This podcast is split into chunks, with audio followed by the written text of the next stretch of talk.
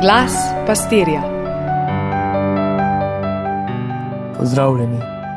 Ne morem si kaj, da bi današnje misli ne nadaljeval v duhu sinode. Bojim se sicer, da nas bodo sinodi polna usta, po drugi strani pa se zavedam, da se sinoda, torej pot cerkve, ne dogaja samo, če o tem govorimo. Ne dogaja se samo prebojenim, ne dogaja se samo zauzetim. To je pot cerkve, je življenje cerkve. Tudi bolnik je zdrav, pač malo manj zdrav, tudi umirajoči je zdrav, zelo malo zdrav, prav nevarno malo zdrav. In tako je naša crkva sinodalna, na poti, živa. Lahko pa se pokaže, da je malo manj na poti in malo manj živa. Morda na trenutke zgleda celo, da je bolj kot ne samo še statična in zelo, zelo malo nevarno živa. Ampak, sploh na današnji dan, ko nas jutrišnji praznik že kropi s svojimi milostmi, pa se res ne moremo zadovoljiti samo s tem, kdo smo mi in koliko mi zmoremo. Kako zelo zmotno prav bedno po eni strani in samo všečno po drugi, bi bilo misliti, da smo mi in samo mi crkva. Torej, to klerikalno, klerikalistično, še kakršno koli izmaličeno gledanje. Kakor kapetan ladje, čeprav s krmirom upravlja smer, ni edini na ladji in ni vse odvisno samo od njega. Tako tudi še tak šef kuhinje na ladji ni edini in ni ključni pa glavni strojnik, pa šef sanitete in kaj šele, ko se pogleda na celotno floto ladij, pa še širše na celotno organizacijo ladjedelstva in vse to, kar to omogoča.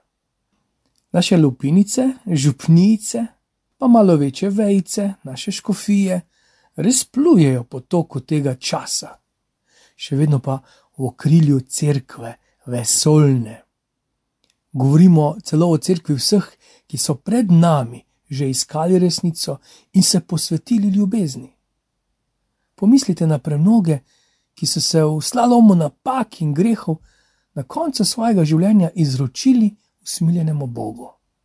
Kakšna množica odrešenih, ki so že končali zemljsko življenje, od začetka stvarjenja do današnjih dni, od Adama pa do tebe množica iskalcev resnice, množica pričevalcev ljubezni, množica krepenečih v upanju, množica izmučenih in mučenih, množica krepostnih in svetih, angelov in narangelov, do svete trojice.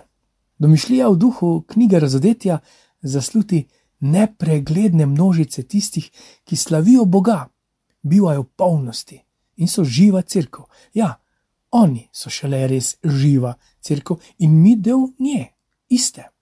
Nam se še porajajo vprašanja, kaj je pomembno, kaj je smisel, kaj je božja volja, pa še mnoga druga, ki si jih recimo drznemo vsaj zastaviti na naših alfa srečanjih.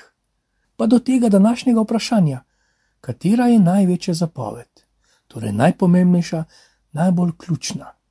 Mi še ugotavljamo, še tehtamo, se odločamo, iščemo nebesih bi si drznil reči, da je vse to že pase.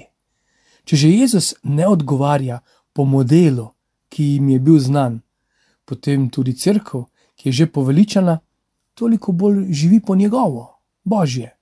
Njegov odgovor je ljubezen.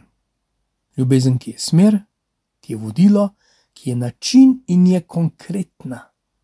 Ljubezen ne kot beseda, ne kot ideja, ne kot stih in poezija. Preprosta, dejavna ljubezen, ki vsemogočnega, stvarnika nebes in zemlje, prizemlji, ga ujame v njegov princip bivanja. Bog biva na način ljubezni. In preprosto dejanje, vzgib gesta v ljubezni do bližnjega, je ljubezen do Boga.